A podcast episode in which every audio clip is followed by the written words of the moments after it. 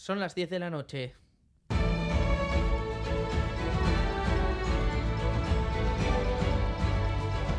Radio Euskadi y Radio Vitoria. Servicios informativos. Repasamos los titulares de la jornada con John Fernández Mur. Gabón, John. Gabón, Gary, noticias de este lunes 26 de junio en el que comenzamos mirando a Rusia. Porque Vladimir Putin acaba de comparecer y ha hablado por primera vez del motín del grupo Wagner. Ha alabado la unidad de la sociedad rusa, ha agradecido a Alexander Lukashenko su mediación y se ha mostrado convencido de que habrían neutralizado la sublevación. Putin ha señalado además que la mayoría de combatientes y comandantes de Wagner son patriotas y les ha agradecido haber evitado un derramamiento de sangre. Asegura también que sigue en pie la oferta de marcharse libre, libremente a Bielorrusia o también les ofrece alistarse al ejército. Y previamente habíamos escuchado por primera vez al líder de Wagner. Yevgeny Prigozhin aseguraba que entre sus objetivos no estaba el de derrocar al régimen.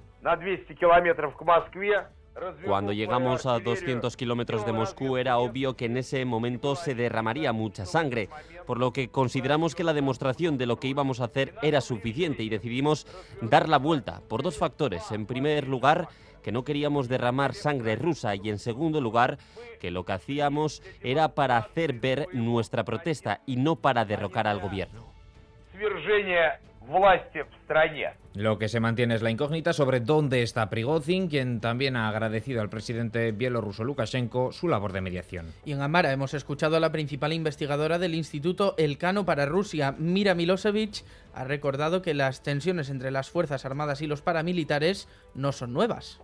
No excluyo en, en futuro más tensiones, pero quizás no con el grupo Wagner. Hay varios allí que son paramilitares. Puede ocurrir de nuevo aunque creo que Putin tomará ahora medidas para impedirlo. Y mientras Europa asiste a estos acontecimientos en Rusia con preocupación, Josep Borrell, alto representante de la Unión para Asuntos Exteriores.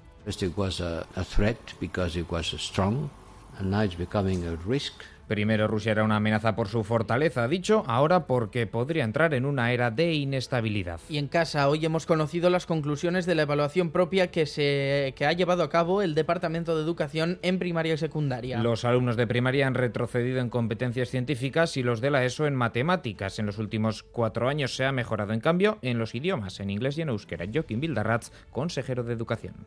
Que más de un 60% del alumnado que termina la educación primaria y más de un 70% que lo hace en educación secundaria es bilingüe y de estos en torno a un 30% tiene un nivel avanzado al menos en una de las lenguas.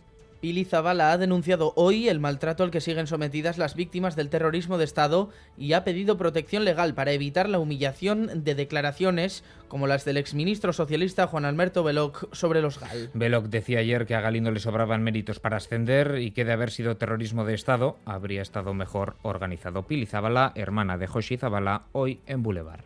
Es un maltrato constante, continuado, perverso y por supuesto deja en evidencia nuestra inseguridad jurídica, pues nosotras no somos víctimas del terrorismo. Ahora más que nunca hay que cambiar esa ley. Y en Gambara hemos escuchado al viceconsejero de Derechos Humanos, Memoria y Cooperación, José Antonio Rodríguez Ranz. El Estado español tiene una asignatura pendiente en afrontar lo que alguna sentencia denominado como terrorismo de Estado tiene una asignatura pendiente en, en, investigación y en verdad, tiene una asignatura pendiente en asunción de responsabilidades.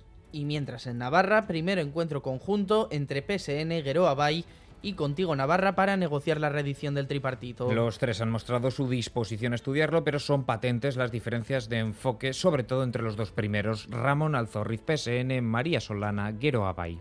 Más allá de seguir en una dinámica de confrontación, nosotros lo que queremos es en seguir en una dinámica de consensos, de acuerdos y de avances para la ciudadanía navarra tenga un gobierno cuanto antes liderado por María Chivite. Un acuerdo con contenido, con contenido concreto, qué medidas, en qué tiempos y de qué manera se van a llevar a cabo. Compromisos concretos. Es todo, así terminamos. Más noticias en una hora y en todo momento en itv.eus y en la aplicación ITV Albisteac.